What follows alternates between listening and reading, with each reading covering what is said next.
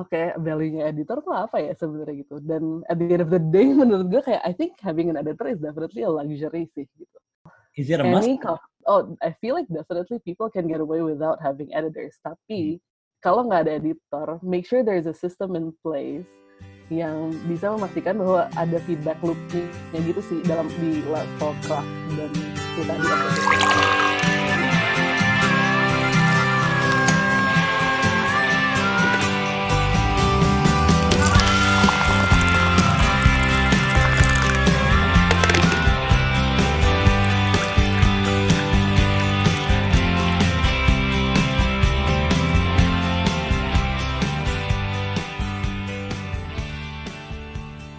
nggak semua company itu punya editor kan ya.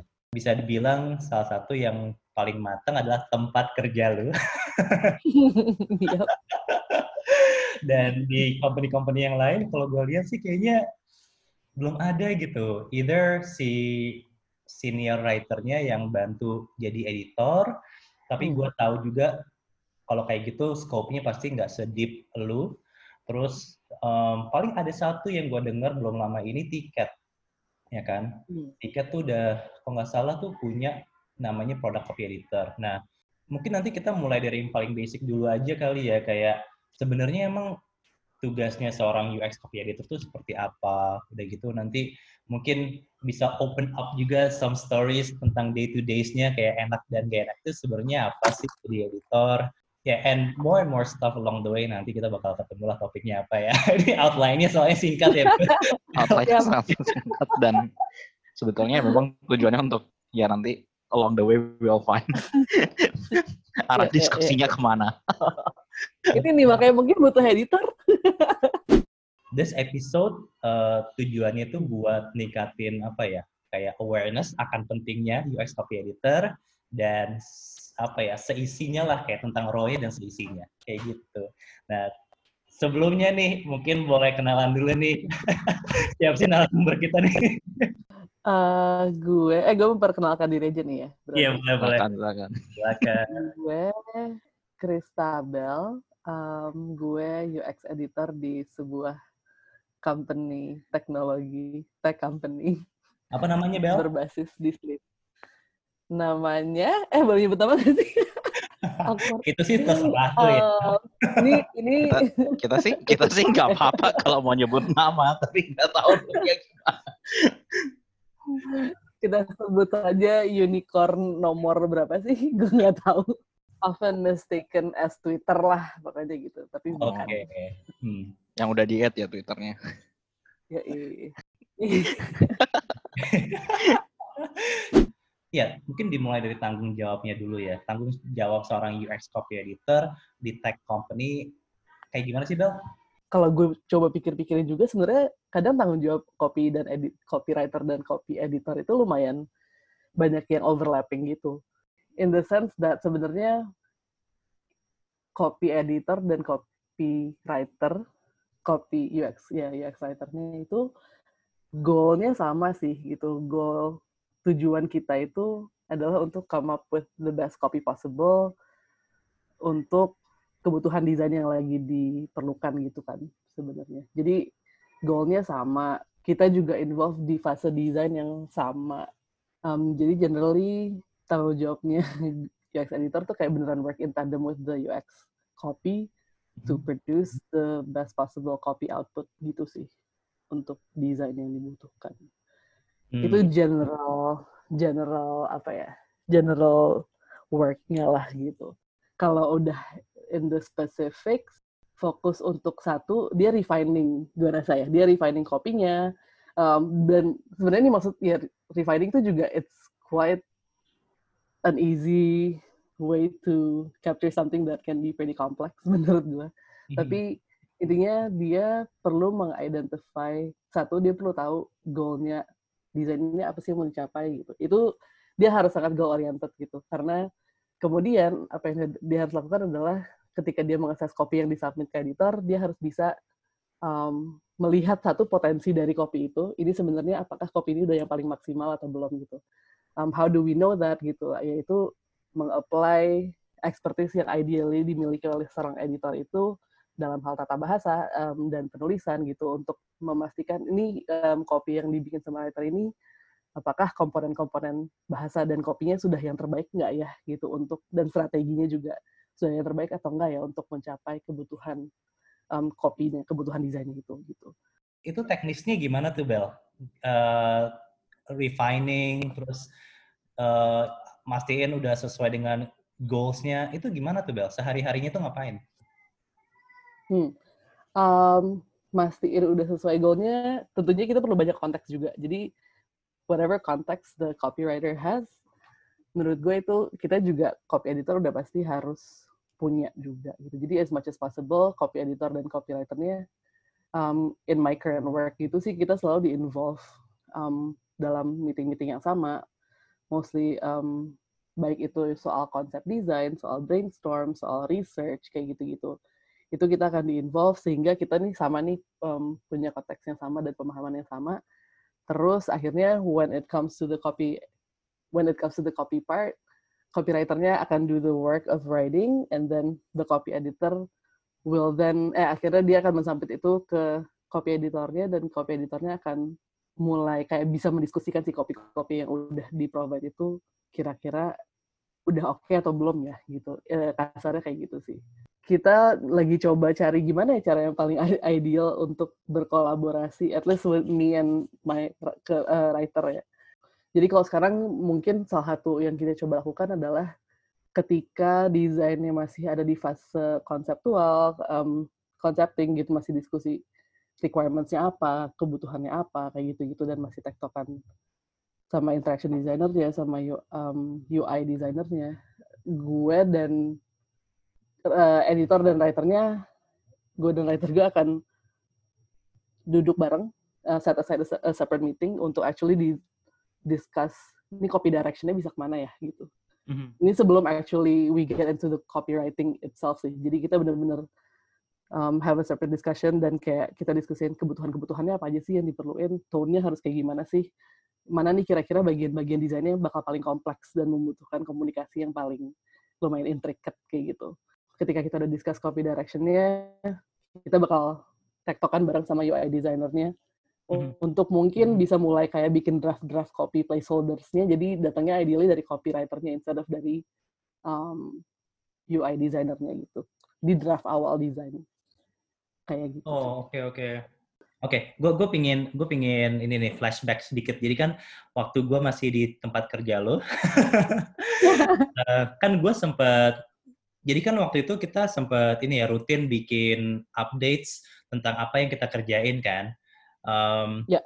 Waktu itu kan uh, editornya lu kan, dan lu sempat, gue tuh masih ingat banget lu sempat ngedit tulisan gue, dan waktu waktu gue baca apa namanya komentar-komentar lu itu cara cara lu ngedit itu kayak lu tuh nggak mengubah lu lu lu nggak nggak mengubah tulisan gue tapi lu membuat gue sadar apa aja yang mesti diubah dan kenapa ini mesti diubah gitu. Jadi editor itu tuh nggak kayak eh ini salah nih mesti diubah kayak gini nih nggak kayak gitu ya tapi lebih kayak bikin si writernya tuh mikir sendiri up, gimana yeah. caranya supaya lebih bagus gitu. I mean like it's it's it's yeah, yeah. Kasarnya kayak gitu. Kasarnya kayak gitu. Sih. itu gimana ya maksudnya? So, soalnya Karena... gini, gini bang, kayak soalnya yang gue bilang waktu itu kayak gue sempat trying to convince my my my my apa namanya my boss tapi uh, bayangan kita semua tuh adalah ya editor tuh ngedit tulisan gitu. Apa mungkin kayak proofreader ya? Ya, nggak tau lah. Hmm. Ya, ya, benar-benar. benar. Jadi nggak kayak gitu ya? Hmm. Gue penasaran sih, tapi ketika lo ngepropose itu ke ke untuk nge-hire editor, akhirnya lo menjustify-nya gimana? Nah, how do you yeah. Oke, okay, dari yang dari yang gue tahu ya, jadi kan gue sempat ngobrol-ngobrol juga lah sama uh, apa namanya sama Kania kan waktu itu. Um, terus gue juga tahu kan workflow-nya itu kayak gimana dan seorang editor kan sebenarnya managing editor ya dulu ya di tim kreatif. Kerjaannya tuh nggak cuman ngedit tulisan, tapi nggak cuma maksudnya nggak cuma refining tulisan tapi juga managing request ya kan managing request hmm. dan menjadi apa namanya kayak gate utama uh, sebelum si writernya itu mulai execute. Udah gitu dia juga hadir di setiap brainstorm, nah nah nah nah nah, nah gitulah. Jadi yang benar-benar mastiin orang yang paling ngerti tentang produknya, orang yang paling ngerti tentang guideline-nya, dan orang yang paling bisa nge-mentor lah kayak gitu. Nah, ya udah gue jelasin hal-hal kayak gitu. Tapi akhirnya adalah um, kayaknya kita nggak perlu bikin role yang sespesifik itu, Dewin. Jadi hire aja senior senior writer yang bisa invest uh, their time di situ gitu. Tapi uju, tujuan utamanya tetap nulis kayak gitu, Bel. Bedanya ya nggak ada nggak jadi hire editor tapi senior uh, writer aja. I see. Iya, uh, bener sih kalau yang tadi lo sempat bilang itu bahwa kayak oke okay, uh, the editor ideally knows all of the guidelines and knows the ideal tone, the knows the product very well kayak gitu gitu dan bisa memastikan bahwa all of those things are well implemented into the copies that are produced gitu kan. Ya. Yeah. Um, apa ya tadi pertanyaannya? Gue lupa. Tadi per aku juga lupa jadinya.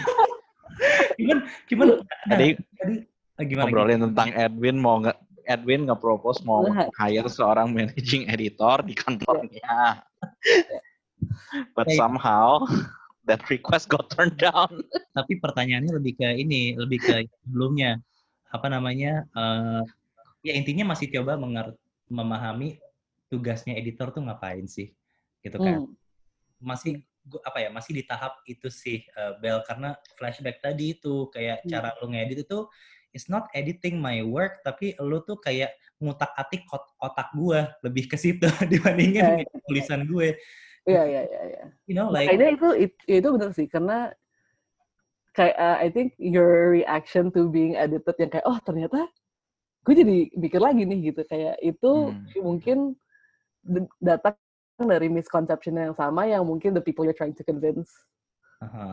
Ya itu juga masih masih memikirkan misconception itu karena kayak mungkin pada awalnya um, akan berpikir bahwa kayak ya iya editor kan ya proofreading aja gak sih gitu kayak enak banget gue ngapain gue nge-hire someone yang technically senior lebih senior posisinya tapi kayak basically kerjanya kesannya lebih sedikit gitu hmm. Um, tapi menurut gue satu sih kayak dari kemarin gue berpikir ya karena lo sempet sempet ngasih gue beberapa apa ya kayak points of discussions gitu kan. Terus gue juga mikir kan sebenarnya kayak oke okay, value-nya editor tuh apa ya sebenarnya gitu. Dan at the end of the day menurut gue kayak I think having an editor is definitely a luxury sih gitu. Kayak um is it a must? It's ideal. Hmm. but I can see eh, gue ya ini in my current thinking ya menurut gue it's ideal. Is it a must? Oh I feel like definitely people can get away without having editors. Tapi hmm. yang yang harus dipastiin itu adalah sis kalau nggak ada editor, make sure there is a system in place yang bisa memastikan bahwa ada feedback loop-nya gitu sih dalam di level craft dan ya tadi objektif itu gitu. Ya hmm. craft yang di connect ke objektif dari desainnya itu sendiri gitu sih. Jadi kayak either itu peer reviews antara writers eh I I feel like this is something that would ideally be kept between writers karena ya anyone sebenarnya kayak definitely feedback dari non writers juga akan sangat valuable gitu dan itu sesuatu yang kita juga pakai kan sehari-hari ketika mm-hmm. kita um, membuat copy tapi kayak making sure there uh, there's another pair of eyes to look at the copies that we're doing dan the logic I feel like it's information architecture karena mungkin di role role role role dia sebelumnya gitu dalam dia mengedit media misalnya itu kan sebenarnya sama ya gitu kayak mereka ketika lo ngedit artikel, lo ngedit strukturnya. Uh, satu, harus tahu nih artikelnya lagi mau ngomong apa ya gitu. Tadi kan lo nyebut media ya, dan yang gue tahu tuh media-media zaman sekarang, eh sorry, media dari dulu bahkan, mereka tuh rata-rata punya editor kan, right? Hmm. Kenapa tech companies tuh enggak ya? Maksud gue... Sumpah ini gue juga... Iya, yeah, But I do understand why sih. Maksudnya kayak mungkin karena dianggap kayak tulisannya tuh bukan sesuatu yang kayak lo bisa dipenjara because you're writing hmm. something gitu. Mungkin oh. itu itu yang paling yang paling nyatanya gitu sih karena kayak editor tuh kalau lo di media writernya nulis mm-hmm. Eh publish sebuah tulisan gitu yang bakal kenapa-napa duluan tuh editornya karena they're gonna be the ones who have to answer why did you mm-hmm. let this why did you publish this kayak gitu sih dan stakesnya lebih, jauh lebih tinggi mungkin ya itu one of the reasons yang gue bisa kepikiran sih. yeah, I hope I'm making sense. Ini gue rambling. sih, you're totally making sense sih. I think itu kayak connecting the dots kayak on what Edwin asked barusan sih. Tapi it, it begs the question sih buat gue. Karena kan gak menutup kemungkinan juga pasti ke depannya more and more kayak tech companies will be there gitu kan di Indonesia dan banyak juga pasti mungkin kayak uh, tech companies yang terlibat dalam industri yang highly regulated in which they apa ya pasti mereka harus being so careful dengan apa yang tertulis di aplikasinya gitu kan. I think for most people mereka atau non non copy stakeholders gitu mereka mungkin ngelihat copy itu masih sesuatu yeah. yang kayak ya minor lah gitu kalau hmm. kalau lo di jurnalisme yeah. kopi lo nggak mungkin minor sih gitu karena kopi lo adalah pekerjaan lo dan yeah. that's the output kan kalau kalau dan core, di, core businessnya jualannya memang writingnya yeah, itu yeah, right iya sedangkan kalau di tech company I feel hmm. like why the reason why people don't really um, hire editors gitu karena mereka ngerasa kayak ya udah ideally we have a writer yang mungkin lagi di groom untuk lebih punya sensibilities itu gitu dan eventually ya untuk sekarang minor minor glitches in the in the experience masih something that we can afford gue rasa kayak gitu sih mau tahu juga nih emang sebenarnya kalau misalkan kita company company kita nih udah sure that we need an editor, right? A UX copy editor. Hmm. Kriteria kandidat yang ideal itu menurut lo kayak gimana nih? Hmm. Oke. Okay. Uh, ideally, ideally di level craft, kayak this person ideally knows um, tata bahasa, grammar, kayak gitu-gitu udah pasti kayak harus hmm. bener-bener immaculate sih seharusnya di situ atau ya clean lah gitu nggak or at least when that person makes mistakes ini gue lagi ngomong diri sendiri kayak sadar bahwa itu salah gitu karena kayak karena aware gitu kayak ini kayaknya kalimatnya nggak make sense ini gramarnya I don't think this is clicking gitu kayak so I think that sensibility harus ada sih dari awal gue mulai menjadi editor di tech company ini hmm. gue yang sering banget kesebut itu zoom in zoom out sih kayak harus hmm. harus punya kemampuan untuk zoom in ya tadi di craft dan di bener-bener ngedit kata per kata, grammar dan segala macam, tapi juga harus bisa zoom out. Zoom out itu apa ya kayak lagi-lagi sih ngelihat konteksnya ini kopinya mau mau dipakai ke mana sih gitu, dan eh, dipakai di mana sih user tuh nyampe ke kopi ini setelah mereka ngelihat apa dan sebenarnya end goal-nya, design goal-nya tuh apa sih dan connect lagi juga itu semua ke tone of voice, brand voice dan segala macam kayak gitu-gitu. Jadi kayak harus bisa zoom out dan bisa zoom in. Kayak gitu. Tapi itu kan mungkin kalau udah mulai interview si orangnya ya. Cuman kalau kita masih milih-milih nih CV, hmm, okay. gimana cara seleksinya? Uh, I would say someone who has an experience of being edited. Um, dan juga ya editing yes ideally tapi kayak this person ideally has has had an experience of being edited. Kenapa? Karena only someone who has been edited will be able to appreciate and know kenapa um, role editor itu penting gue rasa. Ya mungkin yang belum pernah diedit bisa kebayang gitu kayak oh ya kayak ideal sih punya editor tapi kayak I think until you actually experience being edited you wouldn't really know um, what to give uh, what feedback to give to a piece of writing gitu misalnya dari CV agak susah sih karena menurut gue any writer kalau udah setelah beberapa tahun dan gue rasa pasti lah udah pernah ngerasain tulisannya diedit oleh entah siapa entah temen atau a professional editor mungkin ya udah bisa juga. Tapi editing tuh has a lot to do with dynamics with the writers kan gitu. Um, jadi kayak I think you do have to make sure that when you're editing you're you're giving the edits in a way that is actually productive gitu sih. You're not actually just letting your ego get in the way of the. Iya, iya, iya. Kalau ini kalau pengalaman gitu, gue mundur dikit tadi ke CV ya. Kalau pengalaman tuh berarti ada nggak sih kayak harus berapa tahun berpengalaman sebagai writer dulu atau atau dari bidang apa aja nih sebelumnya?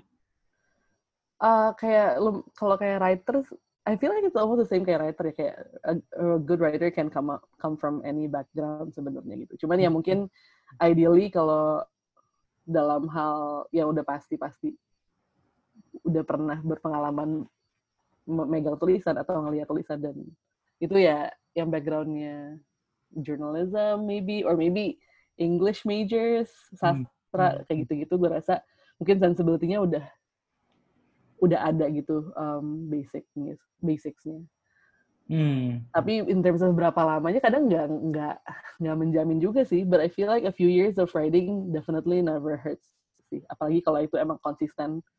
Ya kalau kalau dia konsisten nulis berapa tahun, gue rasa seharusnya udah bisa. And then you can you can have a test gitu kan. Pasti tesnya akan um, lo bisa ngelihat dari tasnya nih kira-kira bener nggak sih gitu craftnya beneran bagus nggak sih kayak gitu. Yeah. kayak I, I guess a few years experience of writings okay. udah lumayan layak untuk di consider.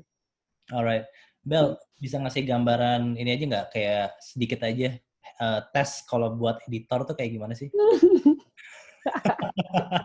uh, shit apa ya?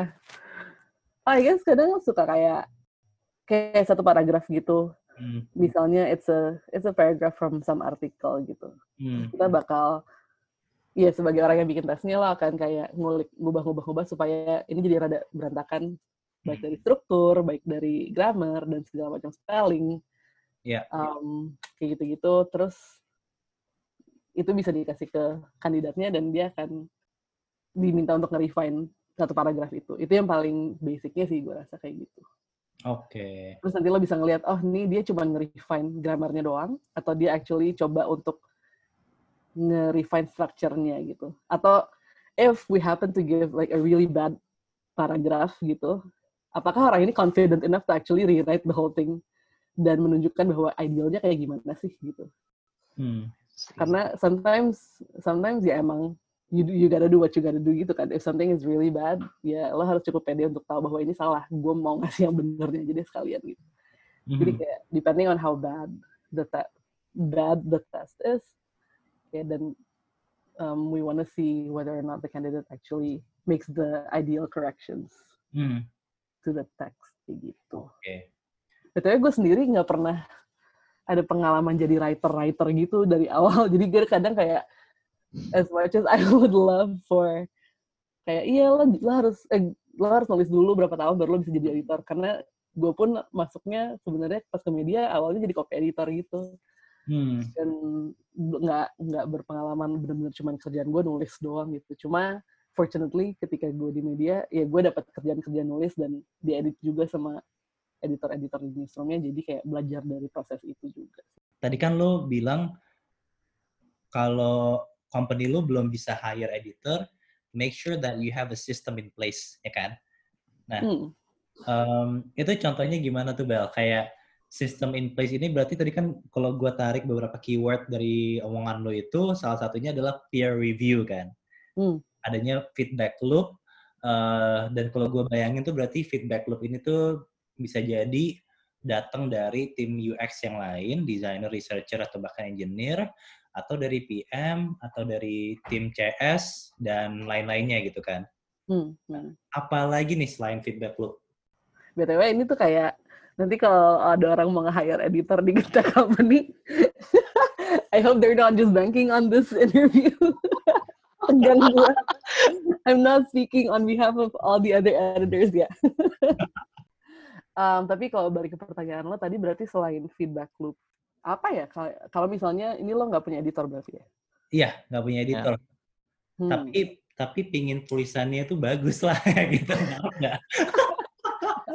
Banyak mau nggak? uh, uh, uh, uh, karena nggak bisa gitu kan nggak bisa hire editor gitu Bel I mean like okay. if we uh, try to empathize with these types of companies yang mungkin in terms of apa ya UX copy maturity itu belum setinggi tempat lo gitu jadi how do we gimana cara kita bisa ngakalin nih supaya tulisannya tetap bagus ya yeah. there, there should be a senior writer in the team gitu sih hmm. um, yang karena um, salah satu responsibility atau role-nya editor itu juga ya mentorship kan kayak yang tadi lo sempat mention. Tapi kalau pun misalnya nggak ada senior writer, um, hmm, I would say conduct uh, kayak design uh, copy crits. I don't know how regular people do this, tapi kadang pun di copy crit, crit, critics Oh, oke, okay, oke, okay, ya itu definitely bisa diutilize.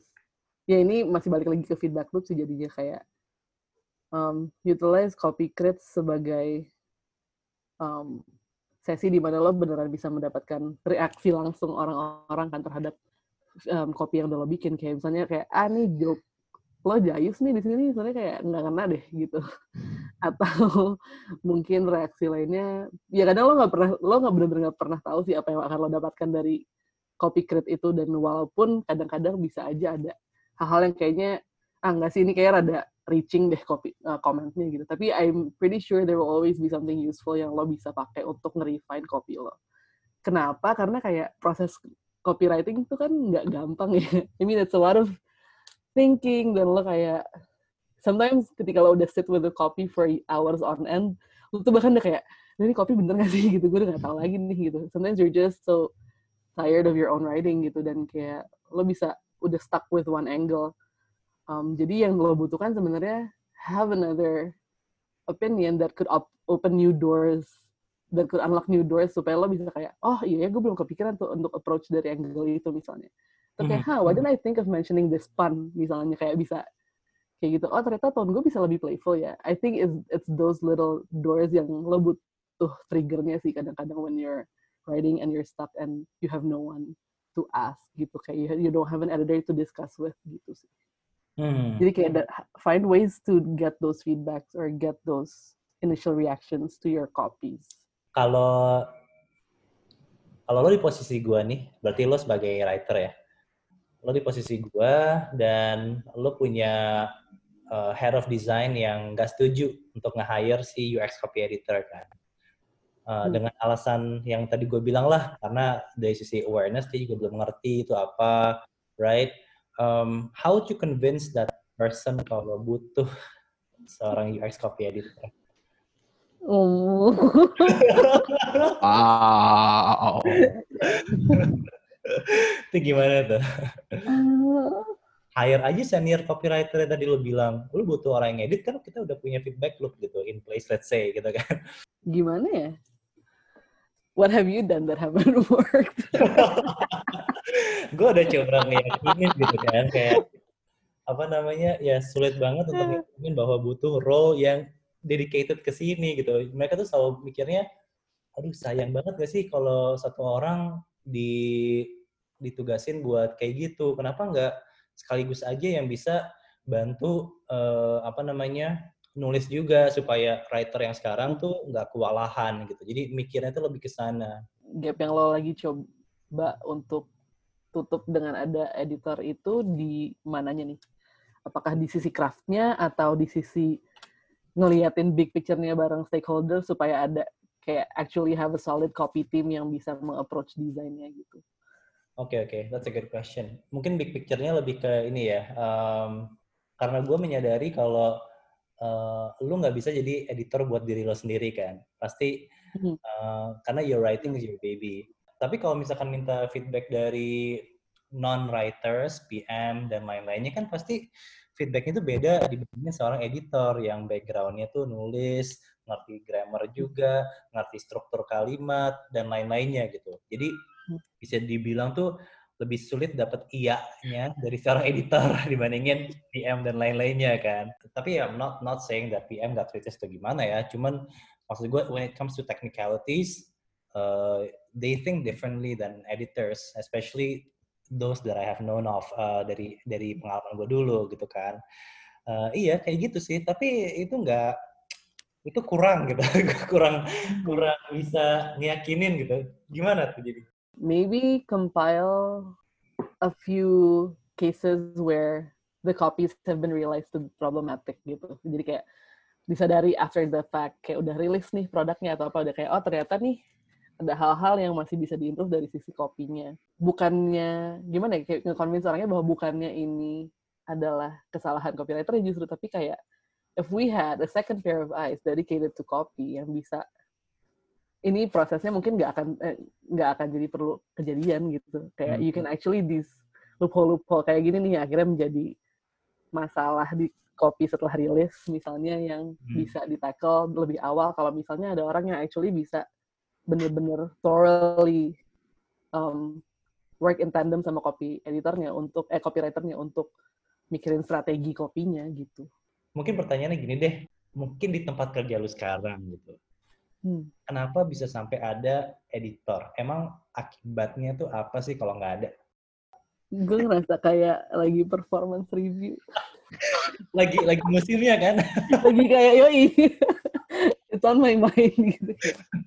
Justify apa yang lo kontribusi.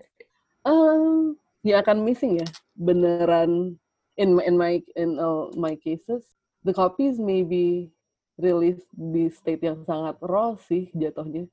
And raw is not necessarily wrong, tapi it's not at its best. Itu yang paling dan bisa aja bahkan ya bisa critical juga bisa salah gitu sebenarnya. And tapi mungkin kayak apa gue ada sih hire maybe try a freelance editor for a bit gitu atau I don't know just to give a give a taste freelance, gitu sih. Yeah, that's a good idea hire dulu aja kayak yang freelance atau contract based kan mm-hmm. hmm. oh, that's a good idea ya yeah, ya yeah, yeah. um, oke okay, Bel well thank you so much nih um, terima kasih udah diundang-undang untuk orang-orang yang dengerin dan mau hire semoga bisa menjadi resource. Thank you. Mantap. Oke, okay, cool. Thank you. Miss dengan penutup ya. Um, I'm your host Edwin Muhammad. And I'm your co-host Derek Daniel. Dan biasanya tuh penutup itu kalau dari CGS itu uh, sebutin nama sama tempat kerjanya Bel. Oh. I'm Sambal dari perusahaan tech company biru di Slipi. Makin spesifik nih. Oke deh, thank you Bel, bye. Terima kasih, dadah.